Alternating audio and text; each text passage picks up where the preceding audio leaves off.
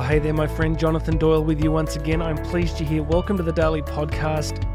I'm just stoked to be with you. I, I never quite know exactly how I can help. I just want to keep bringing daily content that is a blessing to every person that is listening. It's a challenging time in human history.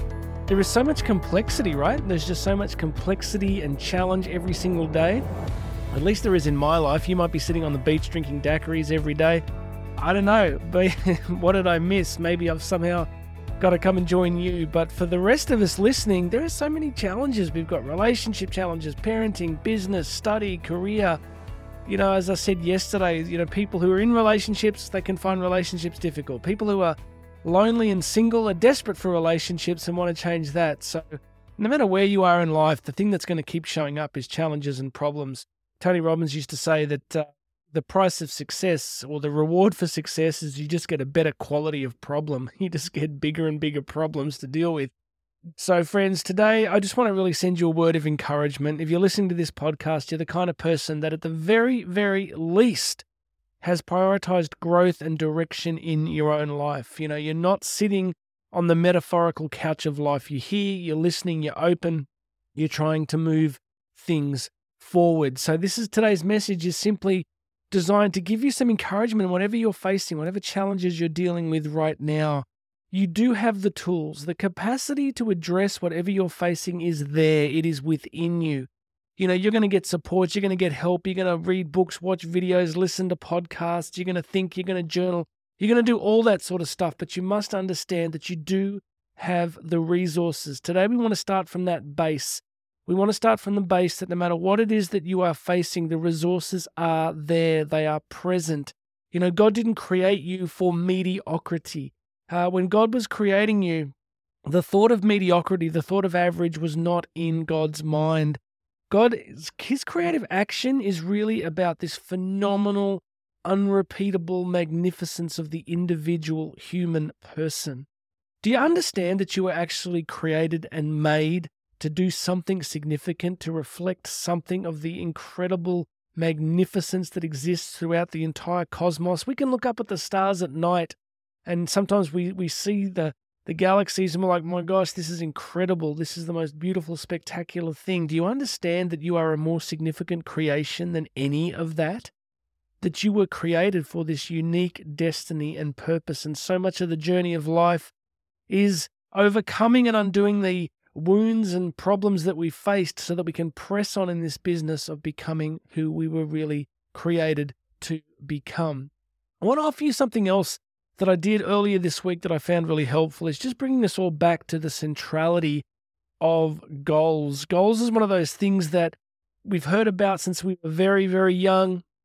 Often in the school setting, they try and teach us to teach it to us in school. We read about it, we think about it, some of you listening to me today, no doubt, do have goals. You do have developed, concrete, organized, written down goals. Most people don't. But I just, it's a remarkable power. There seems to be this real inherent intrinsic power of writing down our goals every single day. So I've been listening to tons of good stuff as I do, and I, I was reminded about just finishing our days by writing down our key learnings from that day and then writing down some goals for the day to follow. So, this actually sort of mirrors something that has been part of you know spiritual tradition for for you know, hundreds and hundreds of years. I know that the the Jesuits, the um, the religious order founded by Saint Ignatius of Loyola, developed this concept of examination of conscience, where they would finish every day with a structured, deliberate focus upon their thoughts and actions throughout the day. And so I was doing this process the other night and it reminded me how much it was, how similar it was to this examination of conscience. These, you know, and look, I want you to take some confidence from that because these processes are not new. It's not as if we have to constantly reinvent the wheel. These processes of examination of conscience or, you know, just documenting our day have been working for people for a very long time. So, what I did was I sort of just journaled key learnings from the day. And as if you take that five minutes before you go to bed and you just start to write this stuff down, what I learned today, where did I get things wrong? What would I change? What do I need to do differently the next day? So I started doing this in my diary. I still love writing things down. And I found it really, really helpful. I identified three or four key behaviors that needed to change that I knew had to change. So I want to encourage you to start that process, right? Just get a diary, get a journal. Just before you go to bed, write these things down. What have you learned? What would you change? And then for the next day, so on my large diary, the next day I'm just writing down a couple of key things. So for me this week, it was trying to get through 400 kilometers um, of cycling.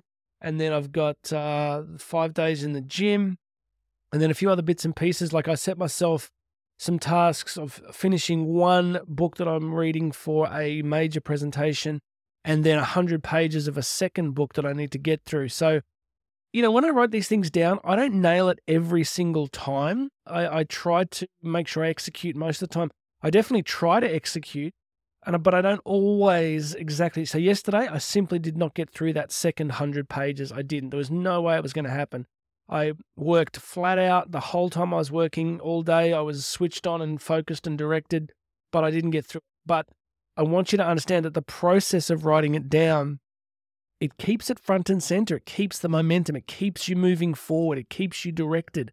So there's just this power. You know, I used to say in seminars that Thomas Aquinas, the scholastic philosopher of the 13th century, referred to this, he said that the hand is the conjoined instrument of the mind.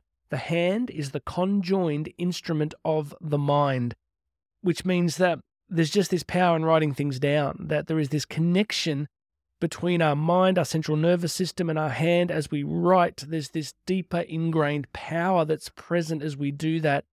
So it's not just enough to think, my friend, and it's not particularly helpful just to, you know, put a couple of notes on a on a, on a you know, smartphone or something, I really do encourage you to do that. So, summary of today's message is just to bring you back to the truth that you're not done yet, that you're created for a purpose, you're created to impact, you're created to make a difference in the lives of other people. You know, the clock is ticking. I don't believe in reincarnation. I fundamentally don't. I, we, I don't think we get another, you know, we don't get to redo this life. We get one shot, and we've not been created by accident. We've been created for purpose. Now, that purpose is different for every single one of us. For many years, I've said, you know, people see me on stage and, and you know, putting content out, and it's like, well, you know, you're impacting people, you're doing this. It, it's just totally irrelevant. This is what I have been asked to do. This is part of why God's put me on the earth. You know, but what I what I don't get to do is impact the people in your world necessarily. I'm not going to have the conversations today that you are going to have. I'm not going to work where you work. I'm not going to serve where you serve. That's where you're going to be. So you're placed in that place today to do something to make the world fractionally better. This is the like you know for me the the concept of the kingdom of God, right? Advancing what is good, what is noble, what is true, bringing more light into the world. There is a plethora of darkness. There are plenty of bad actors deliberately trying to wreck the joint. But there's people like you and me who are trying to make some kind of significant difference. And by significant, I don't necessarily mean massive. I just mean committed, just means small.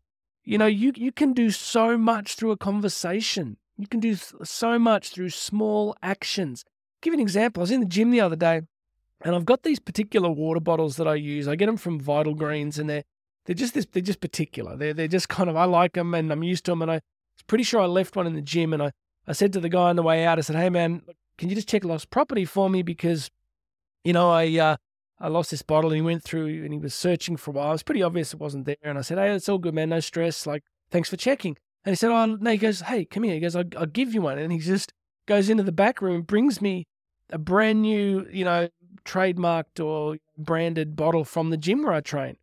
It's just the smallest thing, and it cost him nothing. I'm sure they got a whole big box full of them, but uh, you know, whether they'd been told to hand them out or not, I don't know. But it was just this cool little thing. And and I noticed, like, I walked out of there feeling better. I walked out of there going, oh, yeah, that's, how cool is that? Like, I just got something, you know, small, just this little gift. It was just a little sense of blessing. Why I'm telling you that story is because I don't think he necessarily got up and said, I'm going to make a difference in the world today. I'm going to change things. Maybe he did. But what he did do was he just executed where he was. He just made a small gesture of of blessing, of generosity in his particular role, in his particular place, had a positive impact on me. I probably got back to the house, you know, fractionally more positive and happier and nicer to my own family. Who knows? So I'm trying to impress upon you, my friend, that that these small actions that you take, the small ways that you interact with the world are significant. So let's be people of light. Let's be people of blessing, generosity, positivity. I'm not saying fake it. Some of us, you know, I'm actually a pretty introverted guy. Like if you meet me, I'm pretty quiet. Like, I mean, unless I'm on a stage, I just wreck the place. But, you know, in general, I'm a pretty reserved kind of guy. So it doesn't mean that you have to be yay, yay positive, you know, all pumped up all the time. It just means you got to be you and be authentic and keep focused relentlessly on others. This is the trap of depression. It's the trap of anxiety. It's the trap of I'm not putting this in the same, not grouping these together, but the sort of narcissism that's inherent in our society at the moment closes us off from each other, closes us off from the world. We want to get out of that and get back into the world and be a blessing to people. I'm going to stop there. I'm getting, I'm going to go preaching on you all now. But um, I mean this. I want you to live. I want you to be a blessing. I want you to grow. I want you to serve people. So let's move on today. All right. Summary you're made for a purpose. Goals matter. Writing stuff down is useful and helpful. So just start to build that discipline. Um, listen, if you are hearing this, come across to Instagram. You can find me at J Doyle Speaks. J Doyle Speaks. One word. Um, come and check out Instagram. I'm I'm, po- I'm back posting there every day, and I uh, I'm just trying to put really good content on there that's encouraging. And you can see how I do my days my crazy days. You can see yesterday I started posting at 3:27 a.m. I'm not encouraging you to do that. I just there's a long story. Um, yeah, so yeah, come and check out Instagram. J Doyle Speaks.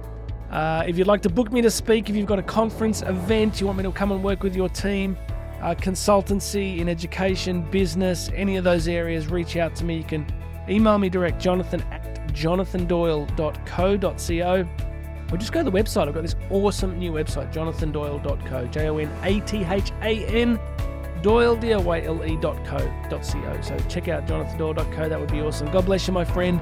Please make sure you subscribe to the podcast. And if you love someone in your life and you want them to grow, send them, send them this today. Grab the link and send them this podcast. Help them to grow too. God bless you, everybody. This has been Jonathan Doyle. This has been the Daily Podcast, and you and I are going to talk again tomorrow.